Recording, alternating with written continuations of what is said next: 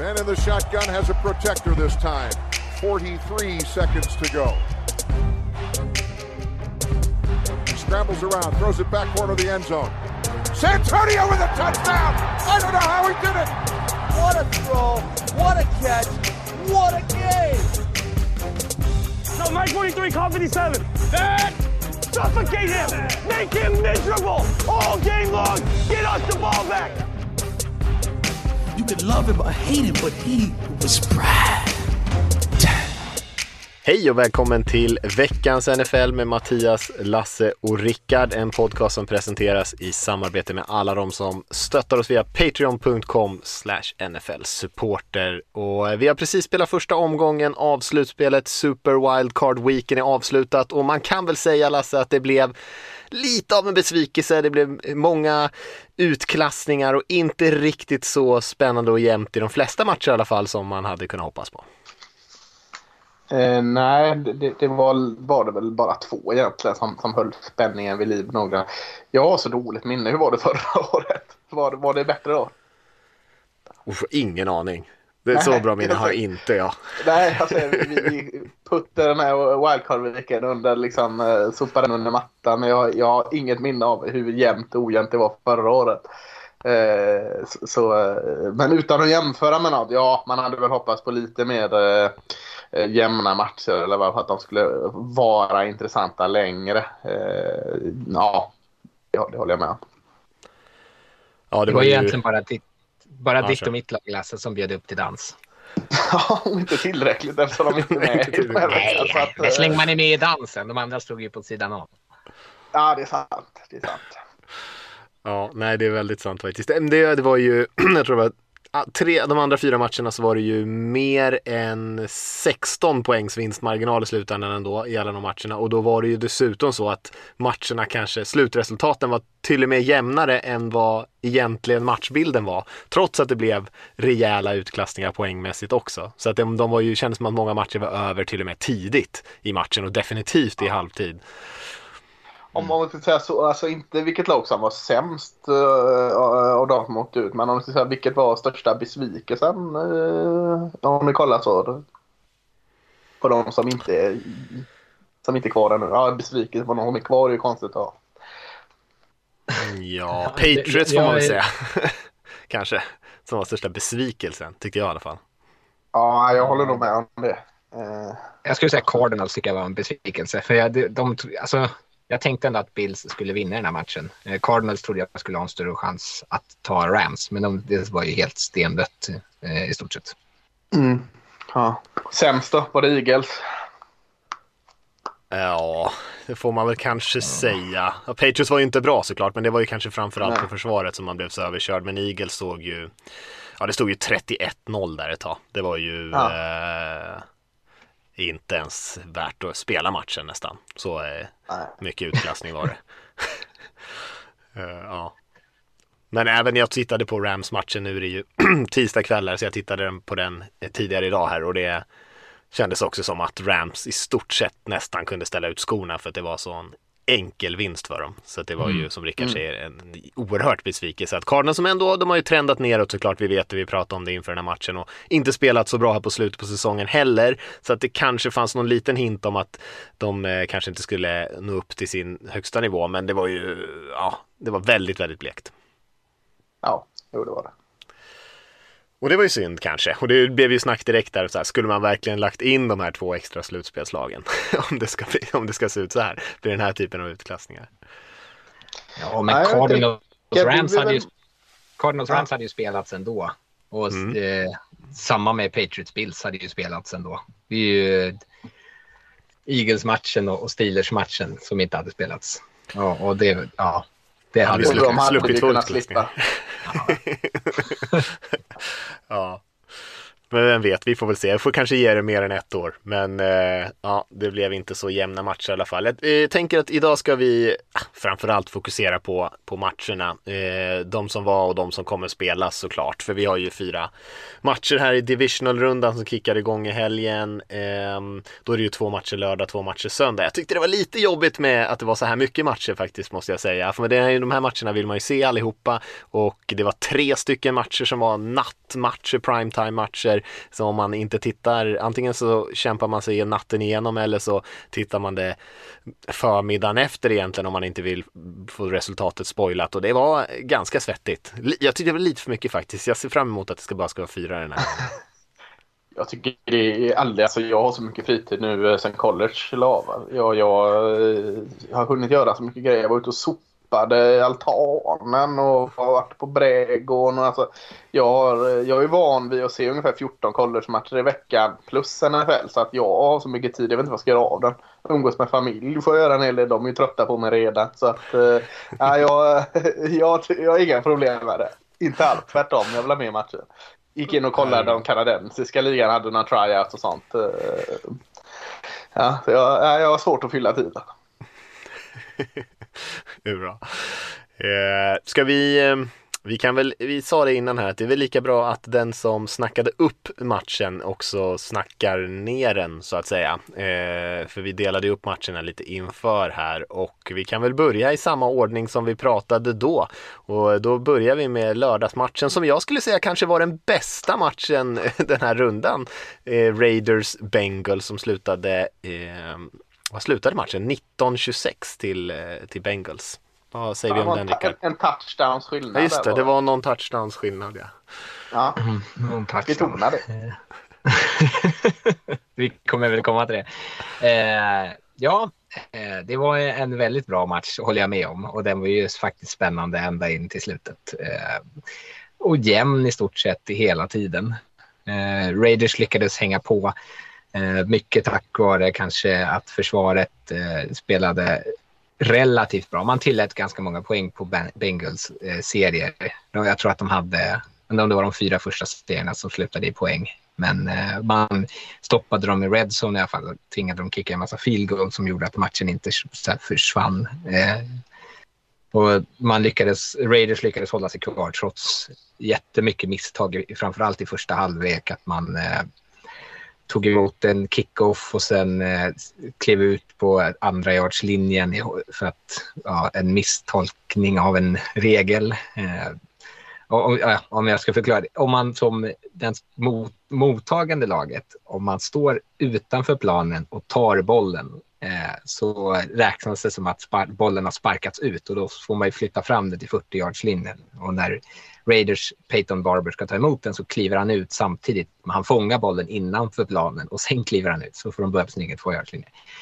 Eh, det där blev jag väldigt förvirrad av faktiskt. För där, jag hade inte 100% koll på den där regeln heller. Jag har sett spelare fånga den, sätta ner foten och fånga bollen liksom. Men jag tänkte mm. att eftersom han inte satte ner, alltså han liksom, vanligtvis om du gör en mottagning då måste du ju fånga bollen och sen liksom etablera possession genom att sätta ner båda fötterna inne på plan. Och det gjorde han ju inte, utan han satte ju ner fötterna utanför plan va? Men att han, att han liksom fångade den innan han hade satt ner foten. Det är den gamla brännbollsregeln där, han var i luften. Eh, ja, men exakt. just i det här fallet så måste han vara i marken innan, eh, ja. innan han tar bollen. Ja, det... för, att för, att han ska liksom räknas som, som, en, som en bolldödare liksom, så ska han vara utanför när han tar den. Mm. Eh, alltså det var ju slarvigt med en special teams coach som head coach också. Hur som helst. Och så hade ju Derek Carr en fumble eh, djupt ner på egen plan halva tidigt i matchen också. Eh, men Raiders lyckades hålla sig kvar eh, på grund kanske av att försvaret inte tillät massa touchdowns. Eh. Och sen så blev det väl spännande för ända fram till slutet. Eh, det stora snackisen var väl Bengals andra touchdown i matchen när det var en sån här eh, inadvertent whistle, eller alltså en domare som blåste av spelet innan spelet skulle blåsas av. Eh, och ett spel som resulterade i en touchdown till Bengals. Eh, och så var det väl en snackis om att det egentligen, ja, när domaren väl har blåst så är spelet över, även fast domaren gör fel. och då ska det spelas om om bollen är i luften, vilket det var. Men nu så gjorde man bedömningen, eh, eller i efterhand sa man att man gjorde bedömningen att man inte hade blåst förrän efter att mottagningen var gjord, vilket inte är sant. Eh, och så tillät man den här touchdownen. Eh, vilket det var därför Lasse sa att det var sju poängs skillnad här i slutet. För hade, Raiders, hade det varit eh, tre poängs skillnad i slutet av matchen då hade ju Raiders kunnat sparka ett field goal istället för att gå före för att eh, få det oavgjort. Väldigt viktigt. Nu ska man ju säga att Bengals hade ju fortfarande haft bollen då om de hade spelat om spelet såklart. Ja, så att på de, tredje, ja. Alltså, det var inte nödvändigtvis så att de inte hade gjort sju poäng ändå. Men, eh, men ja, jag förstår vad du menar. Ja. ja, de hade ju fått ett nytt försök på tredje och fjärde. Ja. Ja, jag tycker... Ja. Jag vet inte om jag ska gå in på det mer. Alltså. Jag, jag tycker ju det är helt... Eh, alltså om vi ska stanna upp hela liksom... För jag tycker det är...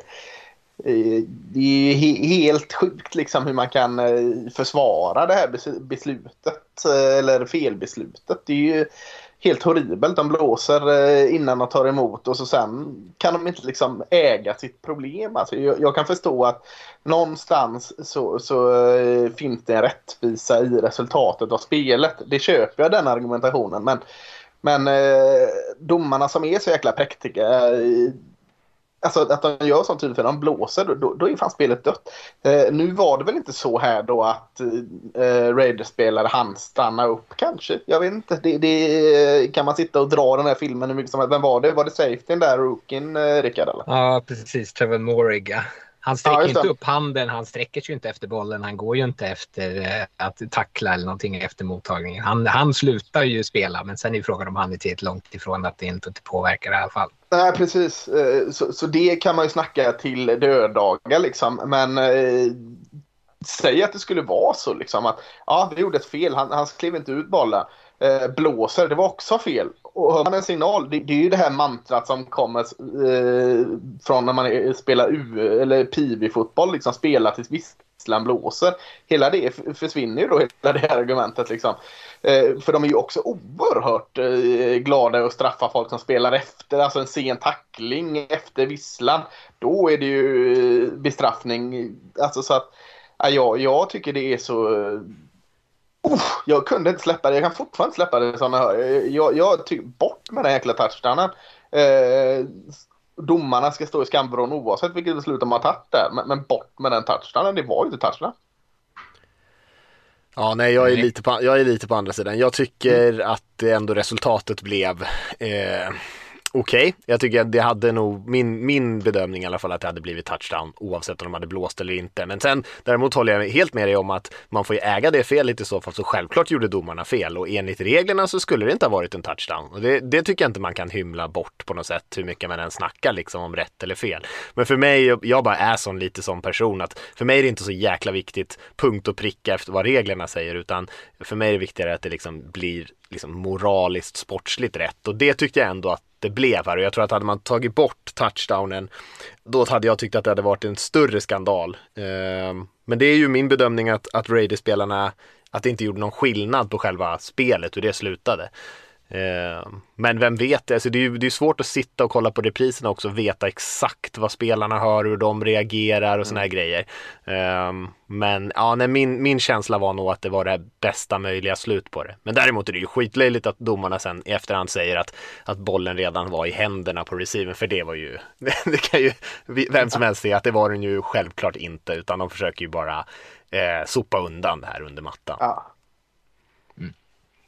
Ja, uh, ursäkta, vad hände efter den här eh, lilla, eh, lilla misstaget? Whistlegate. Ja. Ja, precis. Nej, men, eh, om man ska säga någonting så som jag, är- eftersom jag är Raiders-supporter, så skulle man ändå säga så här. det- Bengals vinner den här matchen rättvist och Raiders gör kanske liksom en sammanfattning av hela sin säsong egentligen. Att man har eh, att Derek Carr har en fumble, att han gör något så här dumt, slarvigt misstag. Man har massa, eh, också så här, det här man kliver ut eh, på kickoffen, man gör massa sådana olika, sätter sig själva i skiten. Man har jättemycket flaggor på holding calls. Man har massa flaggor i red zone. Man får bara en touchdown när man är nere i red zone. Så man, man liksom förstör sina egna chanser och så tar man inte vara på chanserna som man får. Eh, så, som säsongen har sett ut mot slutet, då har de ju kanske lyckats ändå liksom forcera in den här sista avgörande touchdownen eh, eller poängen som har, gjort, som har gjort att trots sina misstag har de klarat sig. Nu var det inte så och det är väl kanske i slutändan det bästa laget som går vidare. Eh, och så tycker väl jag framförallt om man, vi kommer väl komma till eh, eh er match då Lasse, men eh, mm. jag tycker att Raiders gör ett förskräckligt sista spel i den här matchen som gör att man också som också visar begränsningar i den här tränarstaben eh, och kanske ett exempel på varför Rich Bisaccia inte kommer få vara kvar som head coach och varför hans eh, offensiva koordinator Greg Olson inte heller kommer få vara kvar. För att man sista spelet så gör man egentligen ett, ett eh, förskissat spel där man passar till Say Jones som springer någon sorts typ av hook route som han ska ta precis, liksom i endzone men han stannar precis i linjen till endzone och sen kastar Derek Carr bollen och så måste han möta den så han kliver ut ur endzone. Så oavsett om han tar emot den, vilket han inte gör, det blir en interception. Men skulle han ta emot den så är det fortfarande ingen touchdown. Det är, så, det är ju så, ja, det är så basalt dåligt. Eh, så det tyckte jag nästan var mer frustrerande än, än felaktiga visslor. Mm. Ja, mm. det kan jag köpa. Och jag, jag, håller nog, eller jag håller med där. Alltså, om man nu ska bortse från det här eh, felbeslutet av domarna så liksom när matchen är summerad så är det ju rätt lag som, som eh, mm. det bästa laget har vunnit den här matchen. Eh, det var ju Cincinnati Bengals. Och Bengals som man ska säga, eh, det är alltså, ja, först, första slutspelsvinsten på 31 år var jättekul. Eh, och de spelade bra hela matchen egentligen tills de försökte stänga matchen med sitt springspel och det inte funkade. Alltså ju mer de la bollen i händerna på uh, Joe Burrow han fick kasta så här korta passningar som de satte på så sex yards om och om, om igen. Då flyttade de bollen väldigt effektivt. Så hade de vågat vara lite mer aggressiva i slutet av matchen så hade de inte heller satt sig i en situation där de behövde lösa det med försvaret på sista liksom, 12 sekunderna kvar. Eh, och det är väl någonting som kanske Zack Taylor får ta med sig, att våga vara lite aggressiv och våga. Han, Burrow är, spelade jättebra hela matchen, så låt honom fortsätta spela bra även i de här avgörande tillfällena. Mm. Mm. Jag, jag skrev det tror jag på sla, vår Slack där att han försökte liksom eh, spela båda sidor av, av sannolikheterna lite grann. Försökte både döda klocka och kanske ta en first down. Så jag tror att han kanske liksom mm. planerade att springa kanske två gånger och sen ge bollen till Burrow på en kort tredje down eller något. Så, så får de liksom två dåliga springspel där i slutet och, eh, och då har de ingen val längre. Så att, frågan är liksom om Burrow måste plocka upp en, en, en first down och få tre försök att passa ganska stor chans att han gör det. Eh, ja. Så att det är klart, de, de går ju väldigt konservativt där, försöker blöda ner klockan också. Men i det läget, frågan är inte liksom, hur mycket man ska kanske strunta i klockan i den där. Det, det kanske blir lite väl konservativt. Nu vann de ju ändå, men eh, det var ju på håret. Verkligen. Ska vi hoppa vidare eh, till eh, Patriots Bills-matchen? Som vi inte kanske behöver lägga så där jätte, jättemycket tid på. Men den slutade ju 17-47 till Buffalo Bills eh, och de gjorde någonting som inget lag i NFL-historien har gjort. Eh, de hade inga field goals, inga punts, inga turnovers utan de gjorde touchdown på alla sina offensiva serier i den här matchen. Sju raka och sen så knäade de ut matchen. Och eh, jag tyckte väl att Patriots anfall spelade inte sådär katastrofalt. Mac Jones var inte dålig i den här matchen tycker jag, men det är ju liksom, det går ju såklart inte att vinna mot ett anfall som gör touchdown varje gång de får bollen.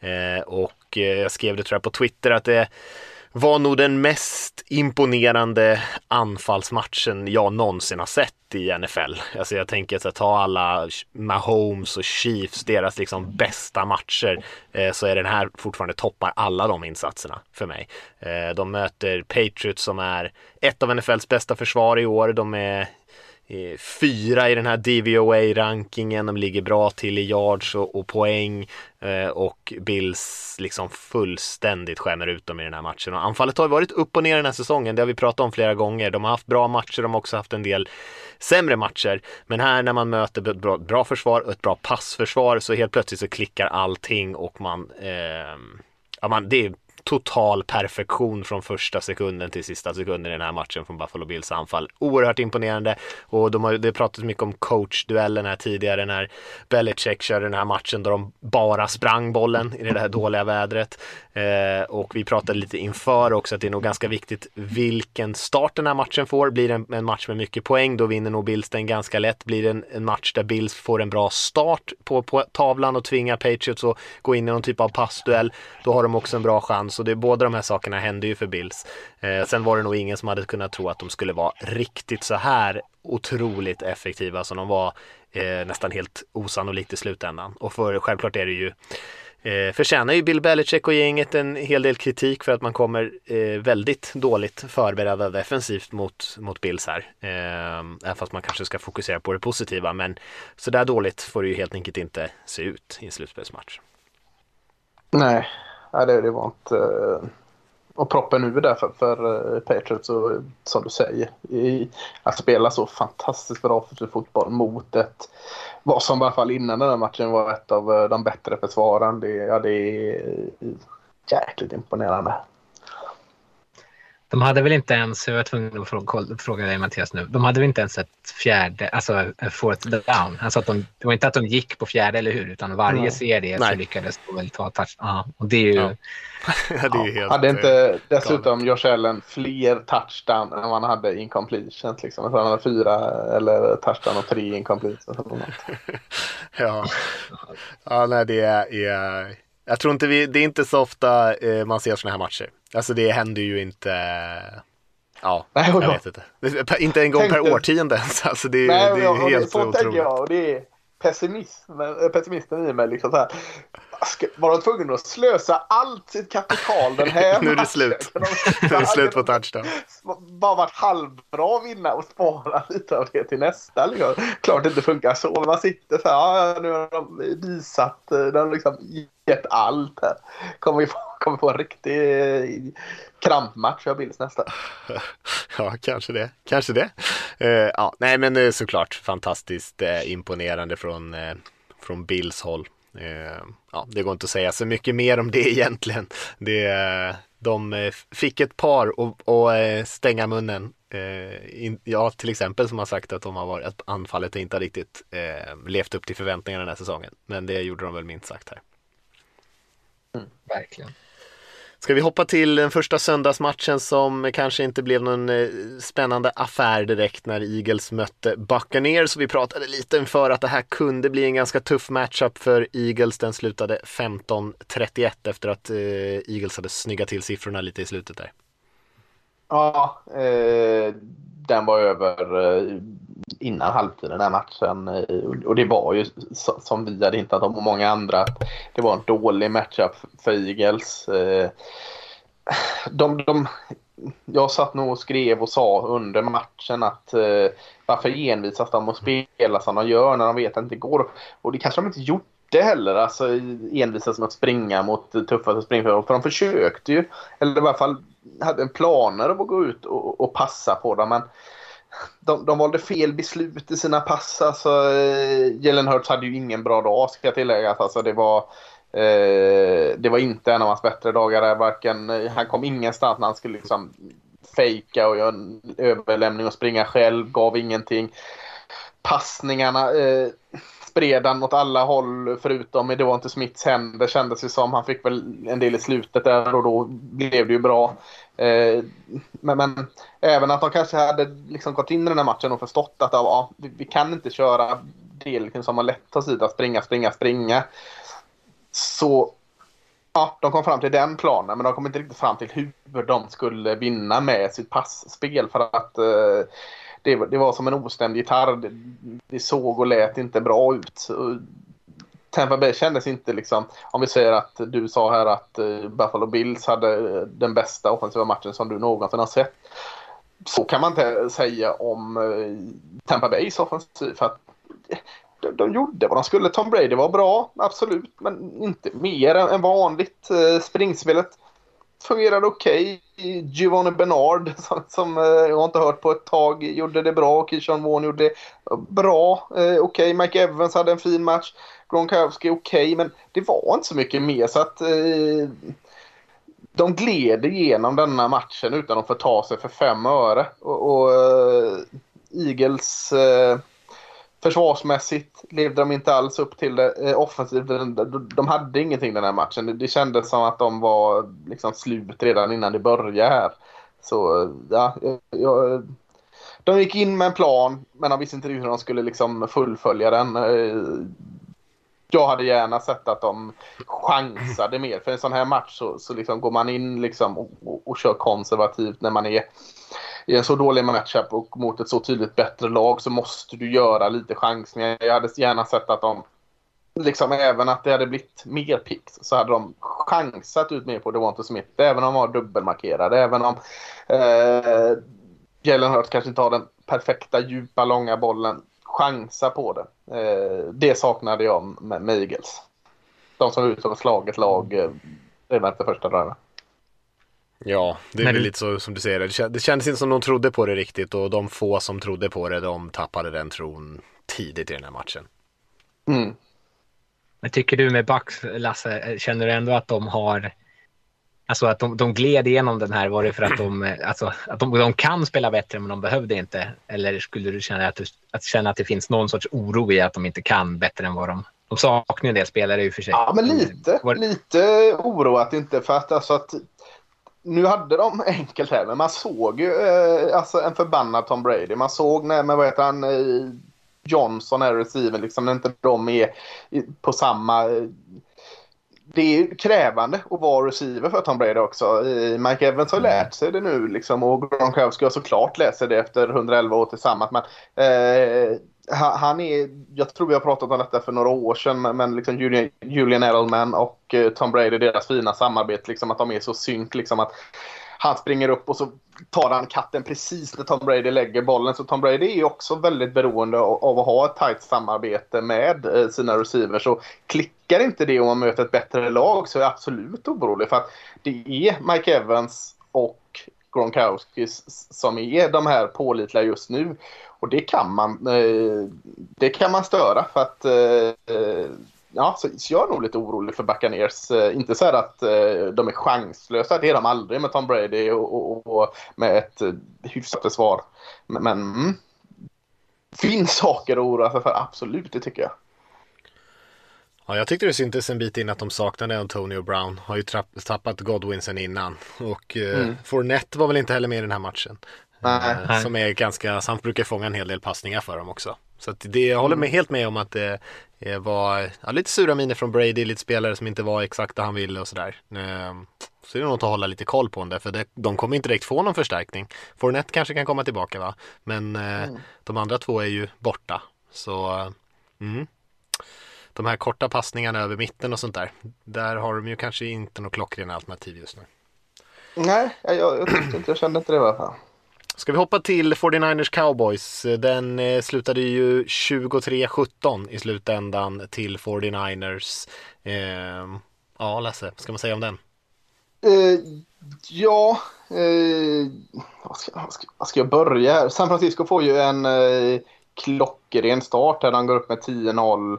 Eh, och eh, jag, jag, vet att du gillar känna som coach och eh, jag förstår det eh, alla hade väl satt in klockan på att 49ers då går upp med den här 10-0 starten. då, då ska de börja springa. Eh, då ska de springa, springa, springa. Eh, Cowboys trodde det. De, de hade preppat för spring. Gör de inte. De har Jimmy Garoppolo som QB som man vet att det kommer komma ett dumt kast.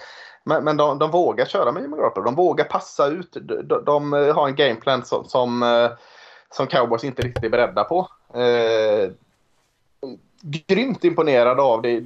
De, de gör inte alltså, den, deras bästa match de någonsin har gjort heller, 49ers. Men de spelar så smart och, och Jimmy Garoppolo, ja, han, han, visst, han passar inte för någon touchdown. Visst, han kastar en dum interception. Men eh, han gör det bra nog. Eh, du har, eh, du har mycket springspel såklart. Han passar bara för 25. De springer väl för cirka 40. Men, men det sättet de springer på. Debo Samuels eh, springspel är mer eller mindre som passspel när de håller på och kör. Så han, han springer för 70 ish yard. Mitchell för 100 ish yards. Eh, men det är hela tiden alltså springa och springa är jäkla skillnad. Alltså, gång på gång envisas med inside zone. Ganska lätt att försvara efter ett tag. Men, men hur de springer bollen eh, eh, tyckte jag var, alltså deras gameplan, det är den de vinner matchen på. Oerhört imponerande. Eh, Brendan Ayuk har, har en eh, stor match också. Eh, George Kiddle ser man inte något av, saknades knappt. Eh, så att eh, jag tycker de gör det precis så bra som 49ers kan göra det. Eh, sen kan man vända på det och säga Cowboys eh, oerhört sega på att komma igång.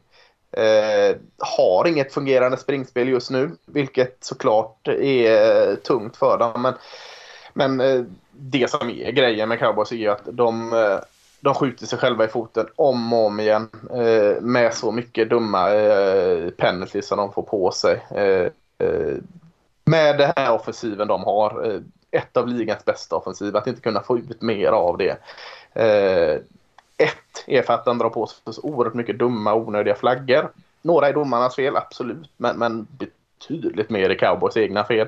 Både offensivt och defensivt. Så att, eh, eh, det var så talande på något sätt den här passen som eh, Dak Prescott la till Cedric Wilson som man inte såg liksom eh, på grund av att solen var rätt i ögonen på honom. Det, det, är alltså, det är så liksom, alltså, som sån poetisk rättvisa på något sätt att Jerry Jones har byggt en stadion som liksom sabbar.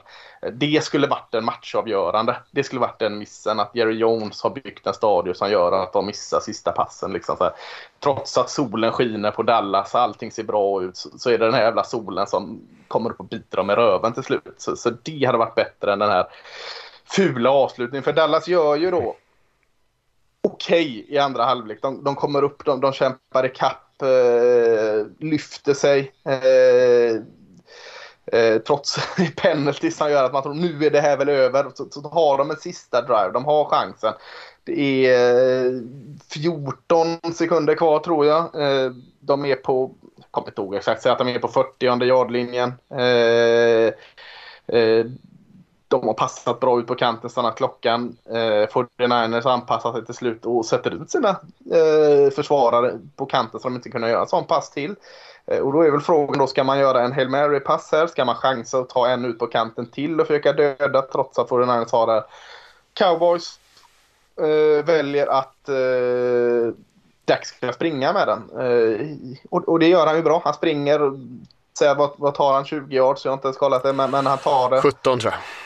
17 yards. Han tar det. Eh, säg att det är 6 sekunder kvar när han eh, kommer upp och ska ge bollen till domaren. Eh, domaren ska igenom Dallas. Eh, han kommer ju bakifrån. De lämnar och så blåser de av för att de hinner inte. Så, så eh, blir ju direkt skit att domaren var seg och domaren borde gjort det snabbare. Men, men man kan ju inte lägga en sån grej i domarens händer. Visst, domaren kanske kunde varit lite snabbare om han hade haft lite tur. Visst, domaren kanske hade kunnat glida igenom eh, Dallas offensiva linje om han hade haft lite tur. Men ja, eh, det, var, det var ett, jag tycker det var ett klantigt beslut att göra den grejen. Eh, då hade jag nästan hellre tagit två kanske möjligtvis tre. Två passningar kanske hade räckt därifrån. Eller en ut och en sista pass än att göra den grejen. Så, så det, det slutar med att eh, de inte hinner få av sista spelet och, och uh, får den närmast vinner. Helt rättvist tycker jag.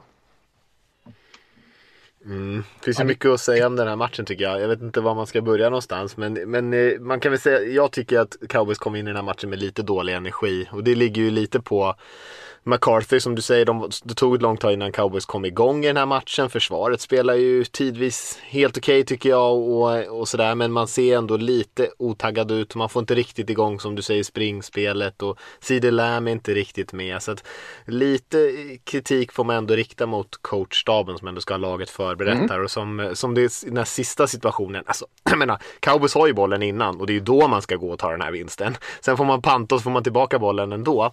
Eh, eller man spelar på fjärde gör man va? Men får ändå tillbaka mm. bollen. Och då är det ju inte så mycket tid kvar. Sen är ju 49ers rätt klantiga i sitt eh, försvar där så att cowboys mm. plockar upp massor och massor av yards direkt utan att egentligen döda någon tid. Eh, så då är ju 49ers nästan som bjuder in. Och sen den här sista situationen, ja de brukar ju säga typ 14 sekunder där omkring är ju absoluta minimum som man måste ha för att liksom klara av ett spel i mitten och sen liksom klocka den och sådär. Och eh, ska man göra det i det läget, då måste, då måste det vara perfekt eh, utfört mm. liksom. Annars är det tight och klart, man kan tycka att domaren kanske skulle varit lite snabbare, men samtidigt, han är ju blockad av offensiva linjespelare. Ja. De måste ju släppa fram honom där, måste ju veta var han är och var han kommer ifrån. Så det är lite dåligt förberett och Zack, eller Dak kanske springer lite för långt. Skulle han verkligen springa ja. 17 eller skulle han 10-12 någonstans liksom? Det där är ändå viktigt, det går någon extra sekund där. Och så får man jag inte igång det. Så det... Nej, jag, jag, det var nog du som sa det. Jag vet inte om de har gjort detta eller inte, hur det funkar. Men måste ju också göra varsel till domaren här. Alltså de kan säga det till domaren. Vi ska springa ja. nu. Var med här nu. Det här kommer gå snabbt. Var med. Kändes inte som de hade gjort det heller. För då hade domaren inte haft den positionen. Då hade han Nej. varit med. Så det kändes liksom som att Ja, grundregel i det där läget är ju att springa och ge bollen till domaren, inte lägga ja. upp den så att domaren sen måste komma och peta på den, utan man ger den till domarens händer så ja, han får lägga ner den. Liksom. Det är ju, det är, så, så är ju liksom grundregeln, men de är ju för uppspelt det här liksom. Men, men då, det är ju en där situation som man måste ha tränat på, för jag kan tycka att det är helt okej att de springer upp den i mitten med det där spelet som de gör. Jag tror inte på att de hade lyckats med en kantpassning, men eftersom det var så tajt med tid så frågan är om det inte hade varit värt, som du säger, att köra två stycken Hail Marys ner i endzone och bara inte liksom riskera att det där kan hända hända. Eh, sen är det ju inte kanske där man förlorar matchen. Det är som du Nej. säger flaggorna, man har bollen innan och med, då har man mer tid och sina timeouts och sånt där. Så det är klart, det är, alltså det är ganska liten chans att de hade vänt det där i den där situationen ändå. Men det är klart, man måste ju ge sig själv så många chanser som går. Ja, nej men det, det, var så väldigt talande. Alltså alla flaggor emot den. Det är ju Dallas i år. Jag, jag gav Eagles en del skit för att de hade haft lätt motstånd och tagit sina vinster. Kan man ju också säga att Cowboys har kunnat komma undan med detta för att de har haft lite enklare motstånd liksom lyckats vinna ändå. Det kunde de inte göra. Alltså, också en annan sak, förutom eh, solskenet som sabbar för dem så är det ju talande också för när de gör den här jättesnygga fake-panten. Eh, Engel passar eh, 15 yard till, eh, till en special team-spelare. Och, så ska de hålla på med någon sån här grej att de har kvar special teams-laget för att försöka bränna 49ers till att ta en timeout. Tycker Jag fattar inte, så vad ska, det, vad ska de med den till? Idé. Varför skulle 49ers ta en timeout? De har ju... Alltså, de ledde ju. bara klantat till det så att det är så talade liksom. De kommer in med någon plan och så sen vad är det för jävla plan? Jag har aldrig sett något sånt innan. Och jag, jag, jag liksom inte poängen och, och, det är så väldigt talande. Så att, eh, jag ska inte vara så hård mot Fortinanders och säga att Cowboys förlorar den här matchen. Men, men det känns lite så som att Cowboys förlorar den här matchen mer än Fortinanders vann. Sen tycker jag alltså att det är en tydlig coachvinst. Kyle Shanahan och, och uh, hans mannar mycket mycket, mycket bättre förberedda för den här matchen. De har förberett laget bättre för den här matchen än Mike McCarthy och, och, och Cowboys dit. Så att eh, 49ers absolut värdiga vinnare här. Ja, så kan man ju nämna tycker jag i 49ers att de tappar ju Bosa eh, ganska tidigt i matchen. De tappar ju också Fred Warner, tappar lite andra spelare också. Så det är möjligt att om inte de grejerna hade hänt så är det väl möjligt att Cowboys kanske hade haft det ännu tuffare att komma tillbaka i den här matchen. Och trots den tappen så, så tyckte jag att eh, 49ers Dennis ägde linjerna, både offensiva och defensiva linjerna. Det, det slaget vann de utan några större problem. Mm. Ja, du, du, har ju, ja, du har ju pratat om Kellen Moore där, eh, Lasse. Mm. Den, deras offensiva koordinator som har hyllats liksom, eh, ja. under säsongen som det offensiva geniet. Eh, och här ja, är det ju... ja, men det måste ju vara en buckla även i hans rykte att inte lyckas med mer än med att få klämma fram 17 poäng på hemmaplan i en slutspelsmatch. Eh, ja. Även fast alla gillar att skylla på Mike McCarthy. Men eh, ja, det är ju det är oursäktligt egentligen tycker jag. Ja, jag fattar inte hur han kan vara eh, coachkandidat i vissa lag. Är det så att man lyssnar så mycket på typ Troy Aikman och sådana gubbar i Fox-sändningarna som sitter och hyllar honom så att det liksom sprider sig och blir en sanning att han är en bra koordinator? För det är han inte. Ja, Aikman kommenterade inte den här matchen i alla fall. nej, jag. nej, men jag säsongen i lag. Jag tog bara en random. Eh, nej, det gjorde han klart och tydligt att han inte gjorde Aikman i den uh, Bucks Eagles-matchen. Han var ju bitter som fan det att han inte kommenterade. Ja, är, han är lite rolig Aikman. Han är verkligen ja. lite sur gubbe alltså. Uh, ja. ja. Eh, Eh, ja, eh, nej det är intressant. Det är, om man sitter och har intervjuat eh, Brian Dable i Bills eh, osen där och så har man intervjuat Kellen Moore så kanske man efter de här matcherna eh, lutar lite mer åt Dable-hållet. Kan, Ja, verkligen. Eh, det blev en jättelång recap här, men det är väl i och för Ja, sig förlåt. lite kul. Det är ändå slutspelsmatch. Ja, inte just den matchen, alla matcher. Men vi har ju två stycken kvar till och med. Eh, Steelers-Chiefs-matchen blev inte heller särskilt spännande. Det blev eh, 21-42 och även där eh, så kan man väl säga att Steelers snyggade till siffrorna lite grann i slutet. Ja, eh, verkligen. Matchen var ju avgjord långt före eh, Steelers egentligen eh, gjorde några offensiva poäng. De gjorde en defensiv touchdown tidigt i matchen. En eh, scoop and score av TJ Watt. Eh, men eh, matchen började lite konstigt, eller konstigt. Ja, man satt och trodde lite. Ja, man tänkte ju att ja, okej, det kanske blir mer match av det här än Ja. man eh, hade förutsett. För att det var väldigt jämnt i början. Chiefs anfall lyckades inte med någonting och Steelers anfall lite som kanske man hade förväntat sig visserligen. Eh, Lyckades inte med någonting heller. Hade inte Eh. Roethlisberger 19 yards efter halvtid? Typ eller något sånt där. pass, Ja, det var något sånt ja. Eh, Jag tror att de hade sin längsta offensiva serie. eh, Liksom, ja, jag kommer inte, om det var, det var, de hade ingen över 20 yards tror jag förrän matchen i stort sett var avgjord. Eh, då stod, när det stod 28-7, liksom, då var deras första, längsta offensiva serie var 20 yards. Eh, så de lyckades ju inte med någonting egentligen. Eh, och Chiefs eh, spände ju sen musklerna i sitt anfall lite på samma sätt kanske. Du pratade om Bills, att det var en väldigt imponerande kväll. liksom fick igång eh, hjulverket så rullade det bara på och så var de i stort sett ostoppbara och såg så här eh, riktigt imponerande ut. Lyckades i stort sett med allting de ville. Eh, och, ja, så lite så små roliga grejer. De kastade en touchdown till en offensiv linjespelare. Travis Kelce kastade en touchdown. Lite sån här, eh, nej, men så allt klickade ju för anfallet sen och försvaret som sagt eh, hade ju ett, stort övertag över Steelers här. Eh, och sen när det väl började rulla iväg. Steelers har ju inte den explosiviteten i sitt anfall att de ens kan hänga på. Så det kändes ju jag tyckte, det kanske var min spegling av det, men jag tyckte att matchen kändes eh, och att Steelers-laget eh, kändes eh, lite uppgivet när det väl drog ifrån. Eh, så när, när, de, när de började känna att nu lossnar det för Chiefs så tror jag också att de kände att okej, nu, nu är det här, eh, nu är det över på något vis. Eh, nej, men, eh, jätteimponerande tycker jag utav Chiefs när de väl kommer igång. Då spelar de på en toppnivå som gör att eh, även om eh, man såg Bills-matchen innan och tänkte att fan de här kommer ju spöa skiten ur Chiefs om de möts så eh, kändes det som att eh, Chiefs är på toppform nu. Eh, och Steelers, Alltså, fan, Ja, bra match. är-. Eh, Så är Mahomes bra igen. ja, det är ju det här det man kanske har varit rädd för då. Att så här, när, när det väl börjar klicka igen för dem så är de ju eh, livsfarliga.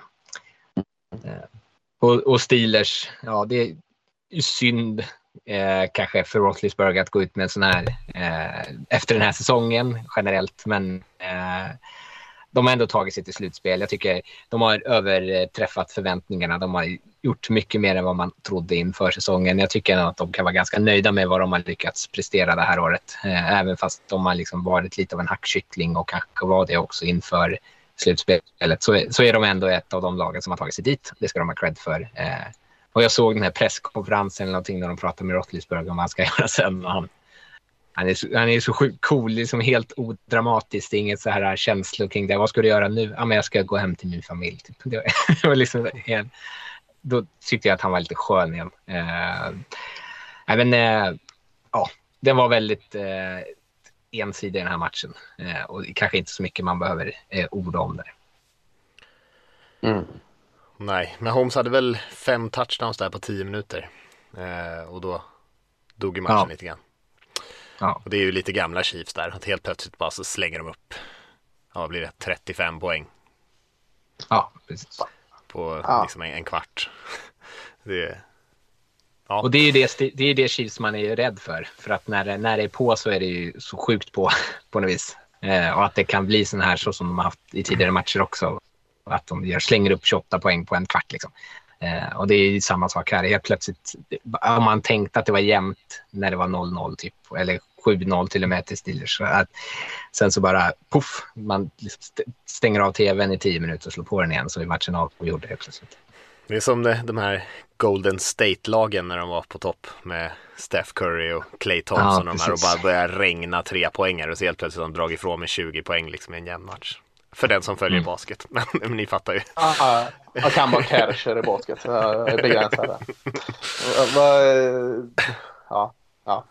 Jag tänkte på... eh, Det är ju så... Visst har man sett det förut, grejen med- Chiefs. Liksom. Var det inte två slutspel i rad de mötte Houston Texans och så tänkte man så här, eh, ja fan nu har ju Houston dratt ifrån det så långt att nu, nu är det nog Chiefs ute för räkning och så är det den här swish som du säger, man stängde av tvn en kvart så är de förbi. Fy fasiken alltså vad, vad frustrerande det är.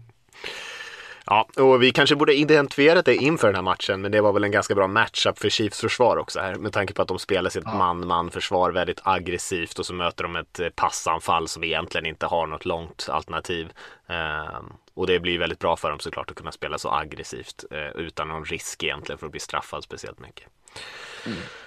Eh, vi ska ju prata någonting om sista matchen. Där behöver vi inte säga kanske sådär jättemycket om Cardinals-Rams-matchen. Som sagt, Cardinals eh, kom in väldigt bleka i den matchen. Slutar ju 34-11 till Rams och eh, Kylie Murray hade ingen vidare bra dag. Hade en riktigt eh, sunkig turnover nerifrån vid sin egen endzone också. Och Rams tickade på egentligen springspelet. Eh, rullade på väldigt bra och det kändes inte som att de var särskilt pressade någon gång under den där matchen.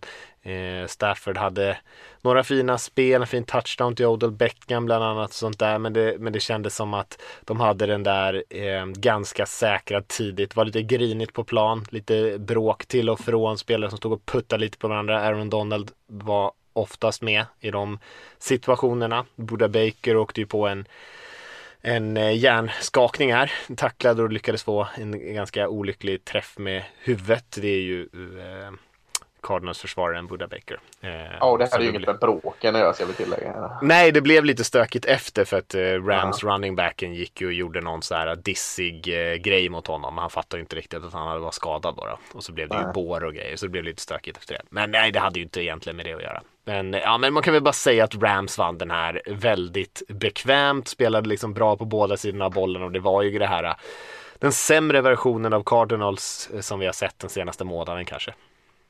Mm. Och att Odell Beckham Jr har kommit in i det fint i Rams nu. Alltså han var riktigt spelhumör eh, den här Mm. matchen. Passade snygga bollar, tog emot snygga bollar och ja, han såg väldigt bra ut. Håller med. Eh, och det är lite talande för Cardinals också när de försöker lite så här spexiga trickspel och sånt där så klantar de till det på något sätt. Eh, de hade ju någon sån här som skulle passas fram och tillbaka med en lateral liksom och så råkar de kasta den bollen framåt istället och trots att det blev liksom ett bra spel så stryks det och kommer tillbaka och sådär. Eh, så det, var inte, det är inte riktigt, de har inte flytet nu och jag också pratade kanske lite om det inför att eh, Cliff Kingsbury och även Kyler Murray hittills i sina karriärer har ju haft lite av en trend att det går lite neråt här på slutet på eh, säsongerna och när de viktiga matcherna börjar närma sig och tyvärr höll väl det i sig för Cardinals eh, att de började väldigt starkt, såg väldigt bra ut och sen ja, tappade lite spelare och sådär såklart men de har ändå många av sina nyckelspelare kvar och det lyckas liksom inte hämta upp det här att man har tappat lite grann då utan fortsätter spela dåligt säsongen ut. Och det är ju lite oroväckande kanske att man inte lyckas identifiera sina problem och lösa dem. Mm. Ja, det var wildcard-rundan. Jag tänkte det här betar vi väl av på en 10 minuter sådär och så 45 minuter senare så har vi kommit igenom de här sex matcherna. Eh, så det blir väl en, en till jättelång podd. Eh, och eh, vi som tänkt också att vi skulle ha ett mellansegment här mellan wildcard-recapen och divisional-matcherna. Det, är- det var en smula naivt så här när vi kollar på Ja. Eh, sekunderna Ja, det- ticka iväg. En, en in och utandning av här emellan tills vi liksom... eh, Det blir Exakt. vårt, vårt mellanspel. Ja, eh, och som sagt det är ju fyra matcher, åtta lag, eh, två lag som är kliver in i turneringen nu. Det är ju Tennessee Titans och Green Bay Packers som är eh, nummer ett seeds i sina respektive konferenser. Och det är två stycken lördagsmatcher 22.30 och 02.15 och sen så är det två stycken söndagsmatcher klockan 9 och sen 02.30 eh, som de spelas. Och eh, vi tänkte väl att vi skulle dela upp lagen lite grann här. Vi går ändå match för match, men att eh, vi låter en av oss eh, berätta varför det ena laget kommer vinna och så får någon annan berätta varför det andra laget kommer vinna och sen får den tredje vara någon typ av domare. Det här var ett väldigt genomtänkt segment där som Rickard slängde upp och ingen, ingen eh, gav någon respons på förrän vi skulle spela in. Men eh, jag tänker att det blir, eh, det blir säkert kul Rickard, eller vad tror du? Jag tror att det blir jättebra. Det blir Får jag bara flika in en grej för att vara den här jobbiga då? Du, du sa du att uh, söndagsmatchen, den sista var 02.30? Den är väl 00.30 va? Oh, bra Lasse! Ja, Mm. bra. Ja. Eh, Jag vill ju vara den som är den, så fick jag vara Nej men det är jättebra, det är jättebra Ja. med kon- konsumentinfon där. Jag, jag har alltid Ja. problem med när man ska konvertera så här Eastern-tid, amerikansk tid till, det blir alltid fel på något sätt. Så det är bra att du är med. Jag sa i alla fall inte fel dag den här gången. Så det var ju Nej, bra. nej. Eh, ska vi börja med Bengals Titans och Rickard kanske kickar igång oss med Cincinnati Bengals. Ja, eh, och, och Bengals, det som, liksom, det som är nyckeln för dem att vinna är ju Joe Burrow och, eh, och Jamar Chase, eller ja, alla de där wide receiverna. Men framförallt kanske Chase som hade över 100 yards senast eh, och är eh, en mardröm i sådana här one-on-one situationer. Han vinner ju dem om och om, och om igen. Eh, och de har ju sån otrolig kemi de två. Eh, och Burrow litar ju verkligen på att han ska vinna, eh, även i liksom en mot en-situationer mot bra cornerbacks så lägger han ju ändå bollen där och litar på honom. Det finns ju finns någon meme den här eh, han, han bara kastar bollen, fuck it, chase down there, chase down there somewhere. Och det är, och det är liksom lite så att det kan ibland kännas att han de, de tar onödiga risker. Men eh, Chase är ju den här X-faktorn som kan avgöra matcher. Eh, och utöver det så har de ju liksom, eh, hur många offensiva vapen som helst. Eh, då hade de lite problem att få igång sitt springspel mot Raiders. Eh, men Joe Mixon är ju också en sån där nyckel som kan komma in här mot eh, Titans defensiva linje som eh, visserligen är ganska bra, men jag tror att det kommer finnas utrymme att springa där. Eh, och sen eh, Trey Henriksson, det som gjorde eh, bland annat och gick ut med en eh, hjärnskakning mot Raiders eh, och så tappade de sina eh, defensiva linjespelare eh, Larry Ogunjobi som inte kommer spela. Men de, mot Raiders så tappade de massor av de här defensiva eh, linjespelarna eh, och kunde inte heller, och hade de ju knappt några att sätta in, vilket gjorde att Raiders hade en chans att komma in i matchen igen. Eh, annars hade de nog inte, liksom, det hade inte blivit så jämnt i slutet. Och Henriksson har ju spelat jättebra det här året, spelade bra mot Raiders också, är liksom en power rusher som kanske, dels får han ju många sacks, men även om man inte gör det så kanske man missar att han faktiskt trycker bak fickan och stressar. Det är inte en speed rusher som måste vinna på utsidan, utan han trycker bak sin, eller sin tackle liksom. Och så finns det liksom inte så mycket utrymme från quarterback. Eh, och Ryan Tannehill är den typen av kuber som kan ta lite dumma misstag, kasta lite bollar i lite knepiga situationer, tycker jag. Eh, det har vi ju sett framförallt. Han- De hade ju en tre matcher i rad tror jag där de hade jättemånga turnovers och det var ju där de förlorade mycket även mot sämre lag. Eh, och sen tror jag Bengals har, de är liksom på en hot streak på något vis. De spelar med väldigt mycket självförtroende. Eh, Joe Burrow och hans eh, cigarrer som de röker. Så jag tror att de kommer in med en väldigt härlig energi och liksom tror att de är oövervinneliga. oövervinnerliga. Eh, och de möter ett lag som eh, de faktiskt har en stor möjlighet att vinna över. Det hade varit en annan sak om de hade mött Bills eller Chiefs här. Men ja, det här är en matchup som faktiskt är realistisk och där de har nog en chans att kunna plocka det mycket mer bara ha eh, liksom, attityden om att man är världsmästare eh, innan man ens har spelat den. Mm. Mm. Eh, ja, nej men intressant. Jag håller med om mycket av det du säger i och för sig. Men Tennessee Titans, jag tänker de är ändå eh, nummer ett-sidan i AFC av en anledning. Eh, de har eh, spöat väldigt många bra lag. Jag tycker att det, vi har pratat om det förut, det är ett sånt här lag som är som bäst i de stora matcherna. De är som bäst mot andra bra lag. Eh, och de har ju haft massor och massor av skador och andra typer av problem den här säsongen. Och eh, saknat mycket spelare och ändå lyckats vinna så mycket matcher. Det känns som ett erfaret lag, varit i de här situationerna för, förut. En eh, bra coachingstab som vet hur man vinner matcher på många olika sätt. Man har förhoppningsvis Derrick Henry tillbaka till den här matchen. Det är lite, lite oklart än så länge, men förhoppningsvis är han tillbaka. Eh, man har en del andra spelare i offensiven tillbaka. Jag vet inte riktigt status på Julio Jones just nu, men jag tror att han ska spela den här matchen. Eh, Försvarsmässigt så möter man ju såklart ett tufft anfall som är bra på de här eh, djupa passningarna framförallt på utsidan. Men man har bra corners i Jenkins och Fulton eh, och man har bra safety som kan, säkert kan vara och plocka någon interception. Burrow har ju i alla fall början på säsongen hade han rätt mycket turnovers, rätt mycket interceptions. De spelar väldigt aggressivt. Jag tror de har chansen där att plocka ner några sådana. Försvarsmässigt även på linjen har man spelat väldigt bra, genererat mycket pass rush. Jag tror att man har väldigt god chans här. De är lite underskattade Tennessee Titans. Jag tror att många har sett dem i år, sett eh, där de har kanske spelat matcher där de har saknat mycket spelare och inte blivit sådär superimponerade. Men trots det, som sagt, vunnit och nu är man lite närmare full styrka. Har man Derrick Henry här så tror jag man blir väldigt svåra att slå. Eh, då har man eh, ett anfall som kanske har fått slipa lite på, på passdelen i anfallet samtidigt som eh, man nu har den här stora kung Henry som hotet där bak. Um, nej, jag tycker det känns som en, en bra matchup för Titans att kunna vara det mer fysiska laget och eh, vinna den här matchen med lite turnovers och eh, lite fysiska runs från Henry. Ja, ska jag, ska jag säga vad som argumenterade bäst för sin sak eller vem, vem jag liksom slänger in släggan men jag tror kommer vinna? Ta den du tror. Ja.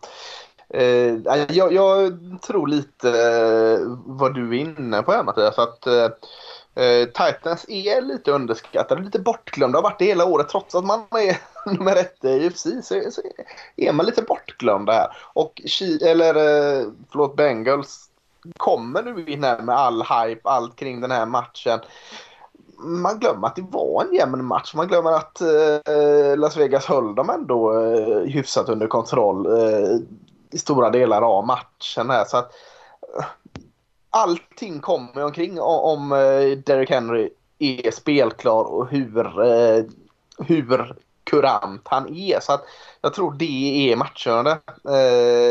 Så jag är så feg att säga att är Derrick Henry 80% så tror jag att Tennessee Titans vinner. är han inte det så, så tror jag att Bengals ska knipa en till. Men, men jag säger att jag tror att han är det. Så jag, jag tror Titans vinner denna. Ja, alltså, ja, i, ja det, och det finns nog stor möjlighet att de, gör just, att de kan springa bollen ändå effektivt mot det här Bengals-laget. Till, till mm. Raiders lyckades ju med det och de har ju varit dåliga ja. egentligen hela säsongen på att springa bollen. Eh, så det finns väl en oro att de kommer göra även utan Henry. Eh, och den, jag, jag litar på Joe Cole. Ja, den ser inte sådär jättefräck ut, deras offensiva linje, Titans. Alltså, eh, det, det, är inte de tuffaste och, och bästa namnen som ni har. Men de, de, har ju, det är ju inte bara Derek Henry som ska ha förtjänst. För att Deontay Foreman eh, som har gått in lite i hans frånvaro här nu var ju borta och begravd efter några år i Houston här. Men också funkat bra i springspelet i Henrys frånvaro. Så att eh, den här offensiva linjen kanske har sina brister men spring är inte en av dem. Så att, eh, jag, jag tror de springer sönder de här med i Nashville. Mm. Jag tycker den är väldigt svårtippad. Eh, jag lutade faktiskt lite grann åt Bengals innan jag nästan övertalade mig själv här när jag skulle övertala mm. Lasse. Mm. Uh, ja, det är alltså, för jag, de, Men Bengals, de är ju, ja jag vet inte, man blir ju lite, man, man vill ju hålla lite på Bengals för de är så flashiga och det är de här coola ja. spelen till Chase och sånt där. Men i slutändan, det är slutspel, liksom, det är ju ofta, ofta så att de, de är fysiska lagen vinner. Och uh, frågan om det, om Titans kan bara ta och köra över Bengals här. Eh, och de är ju rätt beroende av den här Burrow to Chase kombinationen och det måste ju gå att ta bort det. Alltså det ska inte vara så svårt som det har sett ut många gånger. Att plocka bort honom ur gameplanen eller plocka bort helt det är kanske svårt. Men alltså hålla honom till 50-60 yards i alla fall istället för 130-140. Det borde inte vara särskilt svårt tycker jag. Ehm, och då är de ju lite då är de lite mer enkelspåriga. De har ju många andra bra receivers också, men det är inte riktigt av samma kaliber som Chase. Ehm, och passblockeringen har ju varit problem. Offensiva linjen har ju släkt, eh, liksom gett upp rätt mycket press, men Burrow har ändå varit effektiv. Och ehm, ja, kan Titans få lite press här så tror jag att de har en väldigt god chans. Jag lutar nog lite åt Titans ändå. Mm. Jag gillar ju Nashville, det är ett av mina favoritställen i USA. Så att eh, jag hejar på dem nu när, när Cowboys är ute i slutspelet. Och jag har ju tippat dem som Super Bowl, att de ska spela i Super Bowl. Så att, ja, så, eh, så nej, Titans. Mm. Rickard blev helt chockad när du sa det, så han tappade, tappade tekoppen där. När du sa det var ju jag som tappade. eh, vi ska vi hoppa till eh, nattmatchen där då.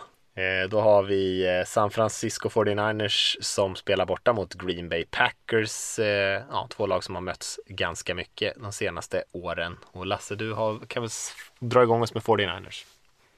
Ja, eh, som, som chockade världen genom att vara det enda liksom, bortalaget som lyckades ta en vinst eh, den, den här eh, veckan som var. Eh, och rider såklart in på det. Eh, jag tror, eh, vad jag har hört, att både Nick Bosa och Fred Warner är så pass eh, friska. Det hänglar lite på Bosas, eh, om det var hjärnskakning eller inte när han blev clearad. Men, men jag utgår från att båda de är tillbaka här och, och eh, båda de kommer ha en nyckelroll i det här för att eh, pratat mycket om Mike Shanahan. Eh, jag pratar mycket om, eller Kyle Shannon, förlåt, Mike Shannon pratas inte så mycket om längre. Eh, men, men eh, deras front seven är eh, väldigt, väldigt fin med Eric Armstead också. Eh, jag tror de, de, eh, de kan få Aaron Rodgers att bli på det här dåliga humöret som Aaron Rodgers väldigt lätt blir på. De kan störa han tidigt. Eh, Nick Bosa kan störa han tidigt för att mm, Packers offensiva linje eh, Eh, många, många år fått mycket, mycket beröm med all rätt. Jag ser inte riktigt den linjen eh, så stark längre så jag tror 49ers kan vinna eh, eh, linjespelet här, i varje fall defensiv eh, linjen och sina linebackers. Och ställa till det lite för Aaron Rodgers här, så han kommer lite i osynk. Eh, springspelet, ja, det är inte helt lätt att springa upp eh, i mitten eh, på 49ers som eh, Aaron Jones och Dylan och de gillar att göra här. Så att de får nog vara lite mer finurliga här, eh, LeFleur Company. Så, eller LeFleur Company. Så att, äh, det är en stor fördel. Sen är det co coachen. Eh, är så bra, Kyle Shannon, att han kan komma in med en helt annan gameplan här från den han hade mot Cowboys. Jag lägger stor vikt vid att Kyle Shannon kan alltså en gameplan mot alla lag som gör att de har en vettig chans. Eh, Allt på offensiven handlar såklart om eh, Debo Samuel, hur liksom de kan liksom plugga in honom. Det är som att man har en, en eh, Pro Bowl receiver och en Pro Bowl running back i en och samma spelare egentligen. Och, och det är ju livsfarligt. Det är ju jättesvårt att, att gameplana efter honom och du kan ju verkligen få ut hur mycket som helst av honom. Och sen så är det ju upp till Brennan Ayuk att fortsätta ta de här stegen han har gjort här nu som många har trott på. Eh, och de har ju ett sparat vapen här som de inte behövde använda mot eh, Dallas. George Kittle, eh, en av ligans bästa tight ends som liksom har sparat på.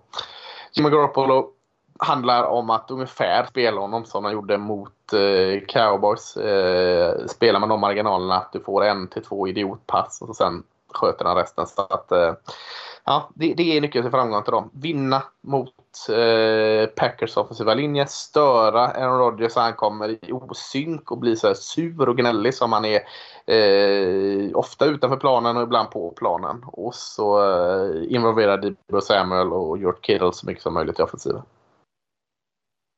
Ja, eh, om jag ska försöka kontra varför Packers ska kunna vinna den här. Jag, jag köper mycket av det du säger. Jag tror att det finns en matchup där som 49ers bör vinna med sin defensiva linje mot den här offensiva linjen. Eh, men samtidigt, eh, jag tror inte att vi kommer se en, en Rodgers som eh, viker sig eh, och liksom blir sur, utan jag tror att vi ser en andra Rodgers som så här, eh, ställer sig upp och pekar finger åt allihopa i stort sett. Eh, inte kanske eh, bokstavligt talat, som är bildligt genom att spela på sån här supernivå. Eh, eh, de har vilat en vecka. Jag tror att det gör en ganska stor skillnad eh, och det är inte ett lag. De, de har rutinen nog att kunna hantera det. Det är inte ett lag som liksom kommer ur gängorna bara för att de ligger hemma och slappar. Liksom. Eh, det är kanske inte vad de gör. Men eh, att, eh, jag, jag, tror inte att det har en negativ effekt utan snarare en positiv effekt för dem. Eh, och 49ers, visst, de kommer kunna springa bollen relativt bra. Det gjorde de senast och, och Packers släpper ganska mycket springyards.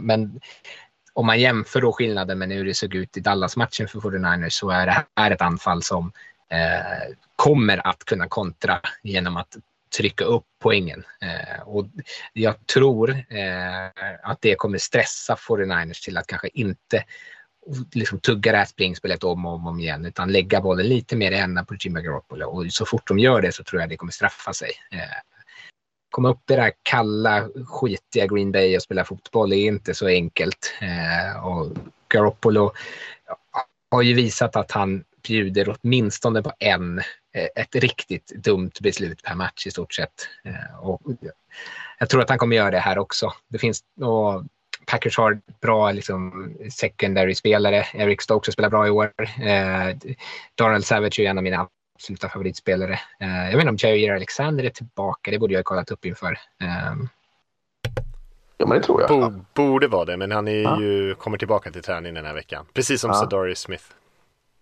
Ja, ja precis. Ja, uh, ja men Smith jag kände jag ändå, ja, uh, trodde jag ändå skulle, att det var klart att han skulle spela. Uh, Strunt samma. Spelar J.R. Alexander så han, han är ju en av ligans bästa cornerbacks. Uh, så han, det, där har de ju en fördel.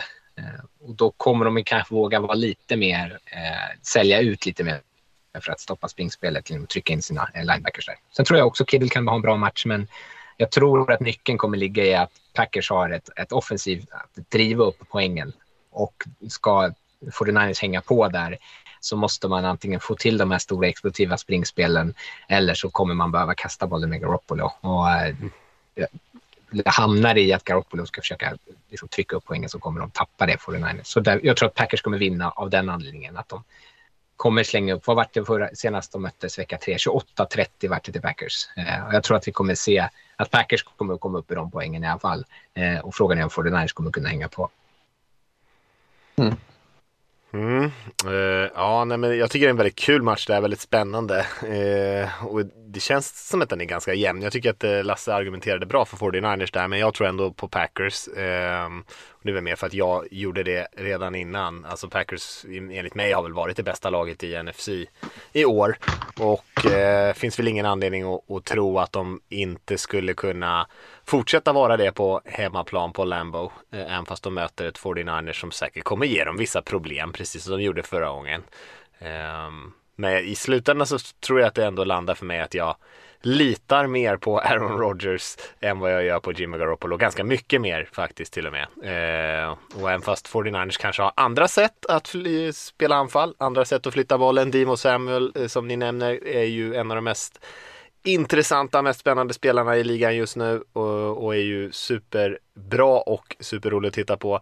Eh, så har Packers sina egna superstjärnor på den sidan av bollen. Eh, de här skadade, eller småskadade spelarna kanske spelar lite roll om de är tillbaka. Alexander kanske framför allt, men det, eh, men ja, jag, jag, även liksom om man skulle sakna Jair här så så tycker jag att Packers eh, är favoriterna och jag tror att de kommer ta det på Lambo. Även fast 49ers är ett lag som förtjänar all respekt tycker jag och eh, har definitivt kapacitet att slå Packers och alla andra lag. Men eh, efter vad jag sett i år så tycker jag att Green Bay känts hetare.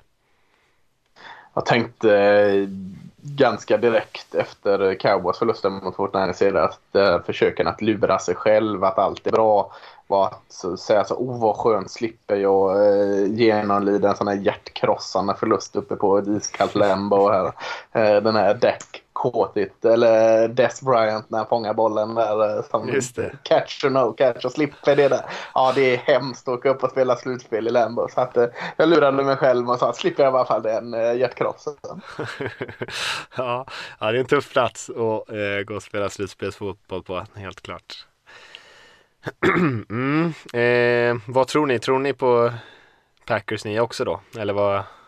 Ja, jag känslan? tror på Packers. Ja, jag tror på Packers, men jag tror att det här blir en riktigt jämn match. Alltså. Mm. Men jag tror på Packers ändå i slutändan. Hoppas det. Hoppas på jämna matcher över hela brädet här. Eh, ska vi mm. hoppa till söndagsmatcherna? Då har vi ju Rams mot Buccaneers. Eh, båda lagen imponerade ju senast här, utklassade sina respektive motståndare.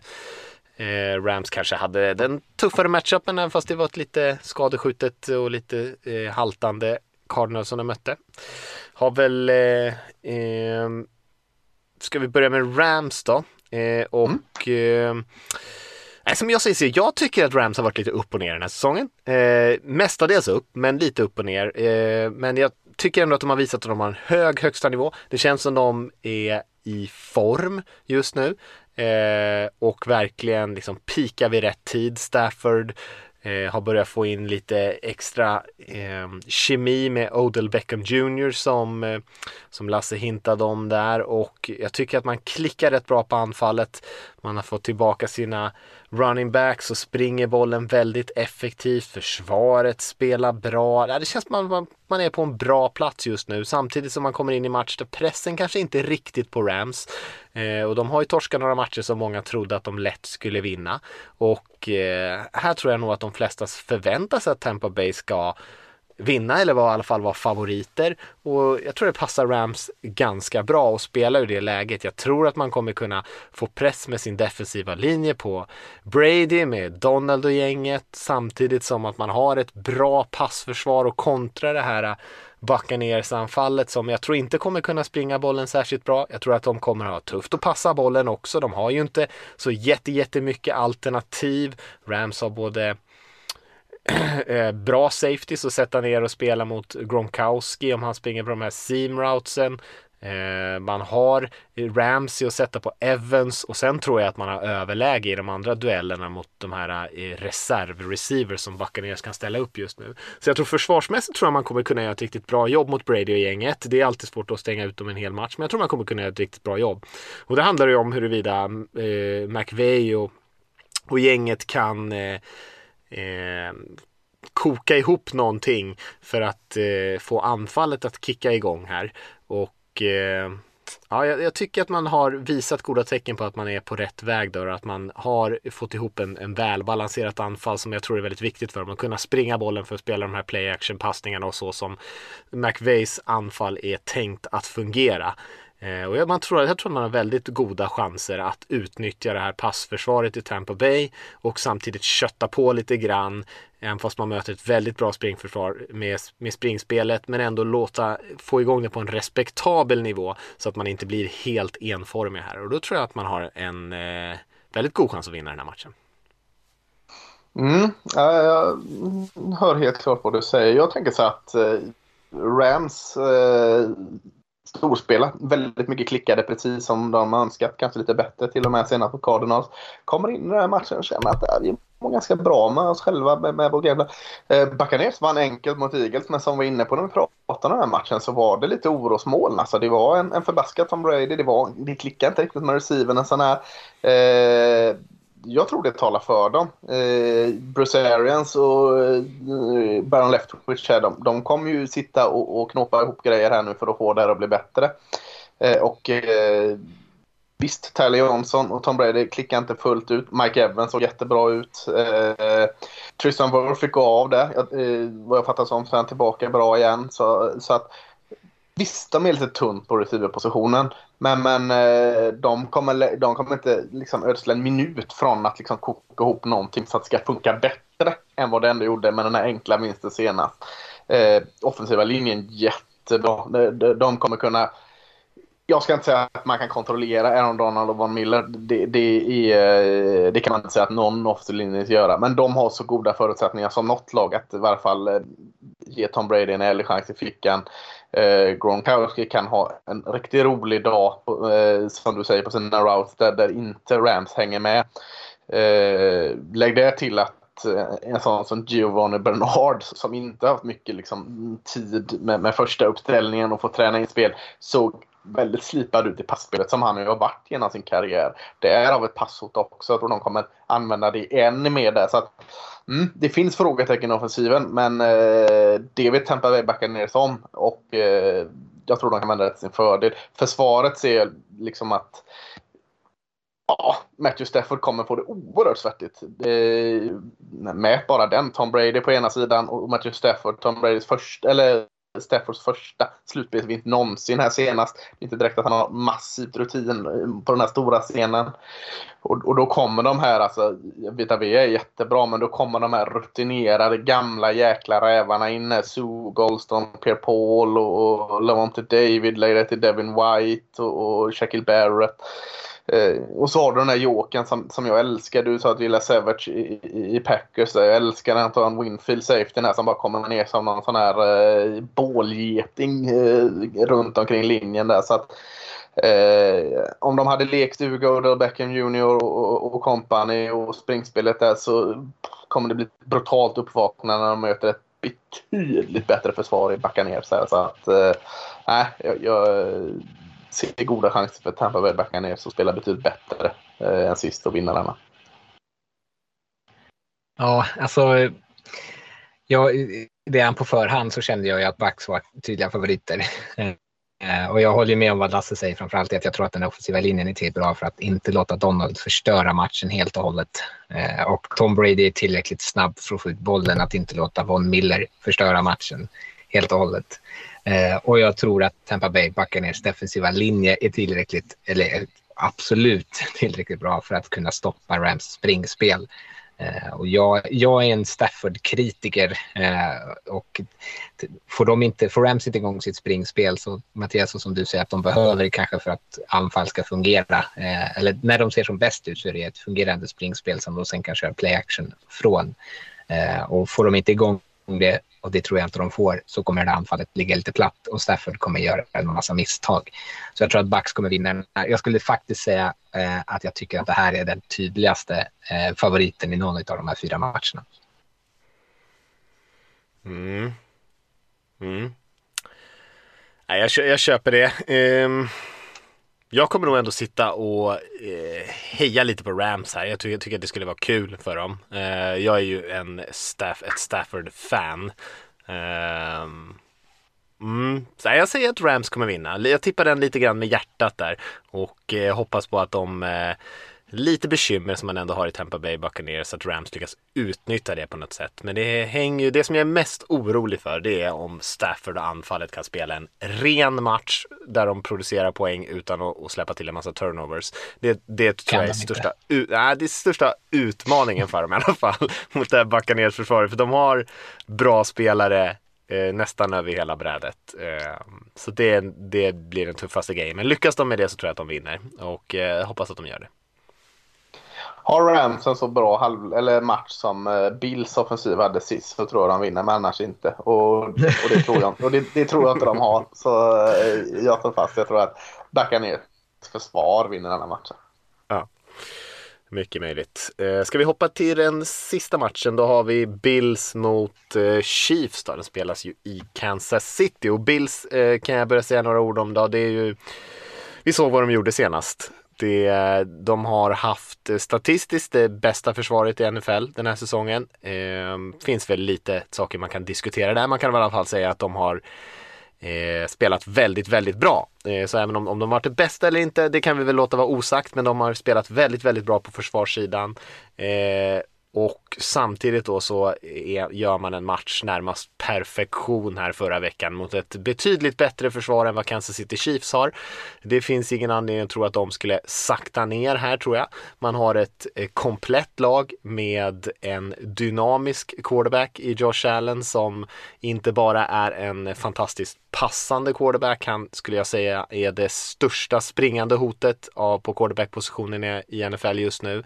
Lamar Jackson får ursäkta där. Eh, jag tycker att när Lamar springer bollen, han är mer explosiv men man håller alltid andan lite grann. När Josh Allen springer bollen så är han den eh, största spelaren.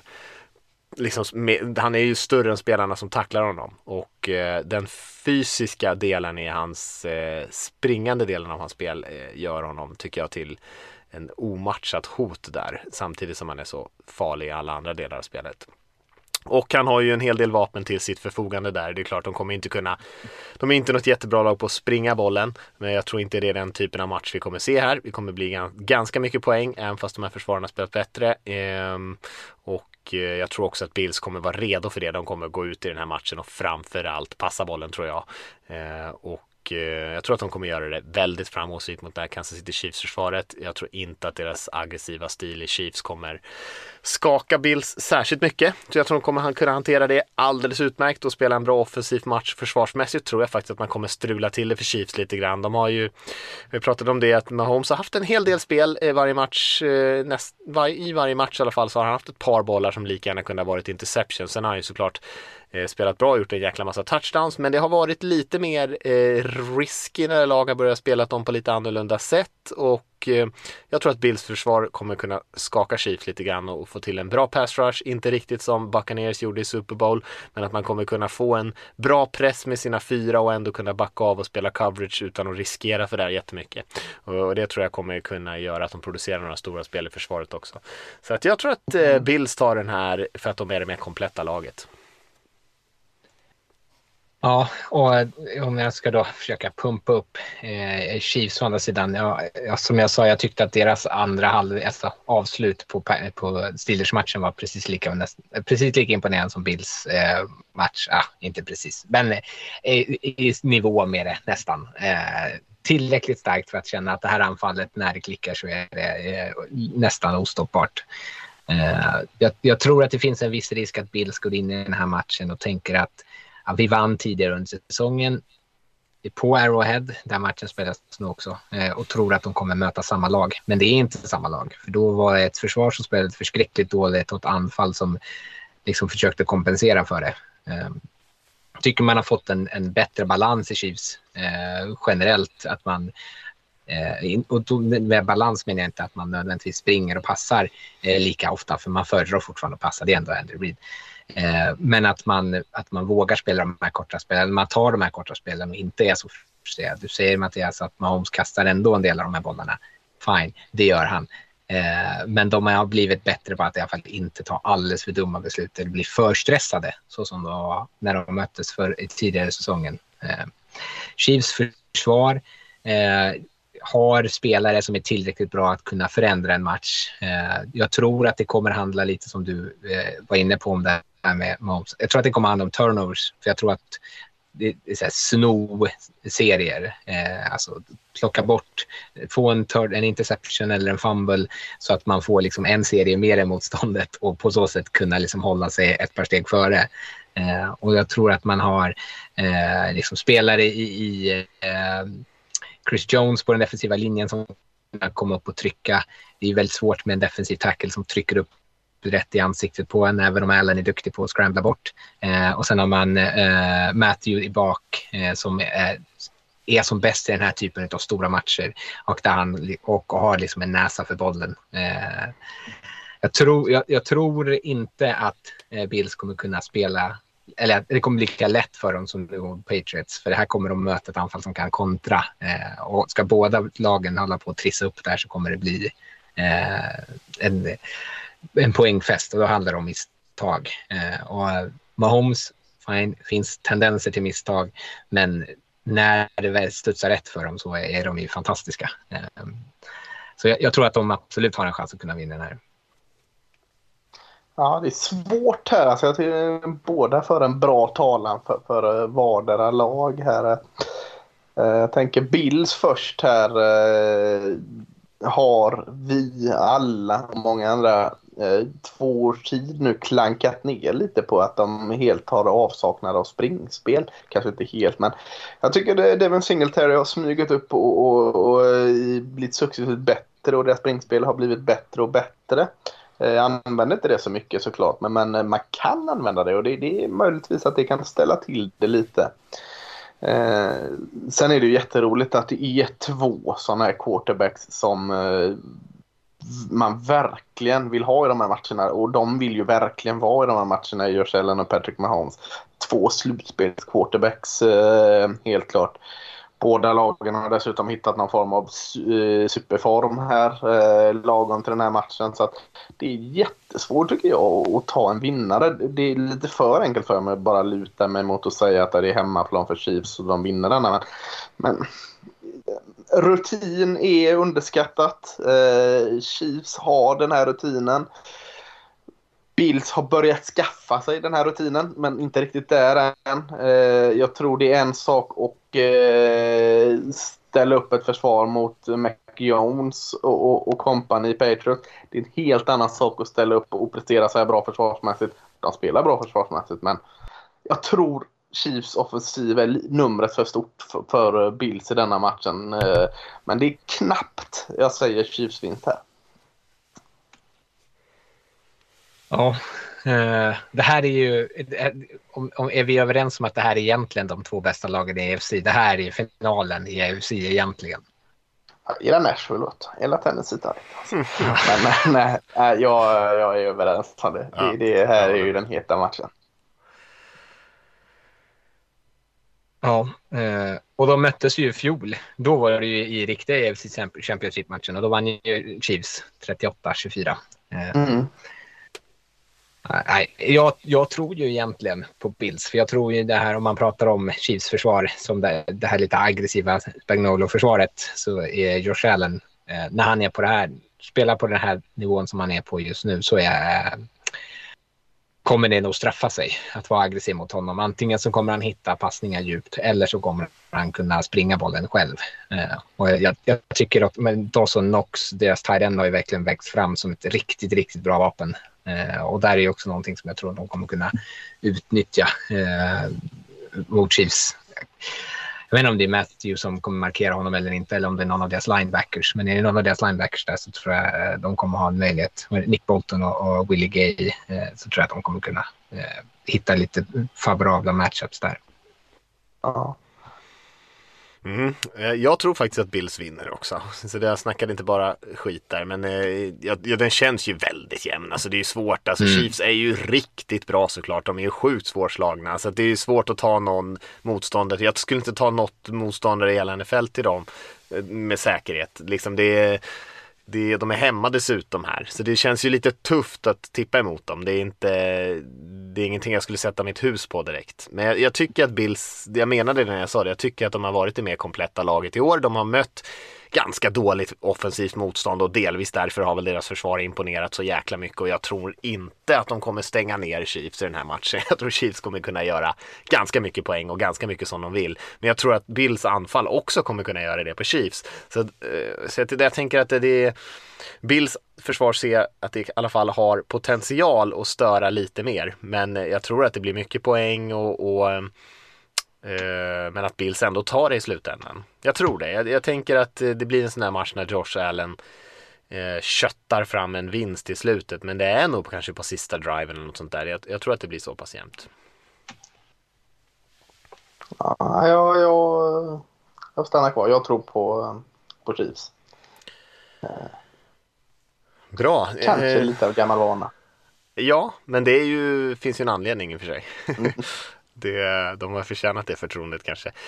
Eh, ja, men som eh, Rickard pratade lite om där, det, det är ju eh, Bucks-matchen då tyckte du kanske var den som kändes mest tydlig favorit med Tampa Bay där, men att det är ändå, det är ändå jämna matcher alltså. Det är heta Bengals mot ett- de Titans som har vunnit mycket, men ändå glöms bort lite grann kanske. 49ers som slår kanske lite underläge mot favoriterna från Green Bay Packers men kanske har ännu mer medvind än, än eh, något annat lag och så har vi Rams och Buccaneers båda topplag hela säsongen som har spelat bra och så Bills Chiefs lite samma sak där.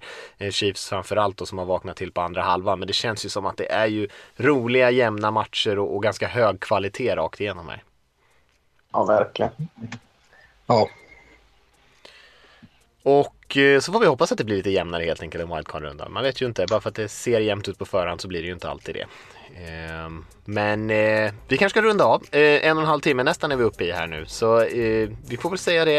s- Säga så för den här veckan och så hörs vi igen när vi vet vilka av de här vilka fyra av de här åtta lagen som är vidare till Championship-rundan så hörs vi igen om en vecka. Det gör vi. Ha det det gör gott. vi. Ha det bra.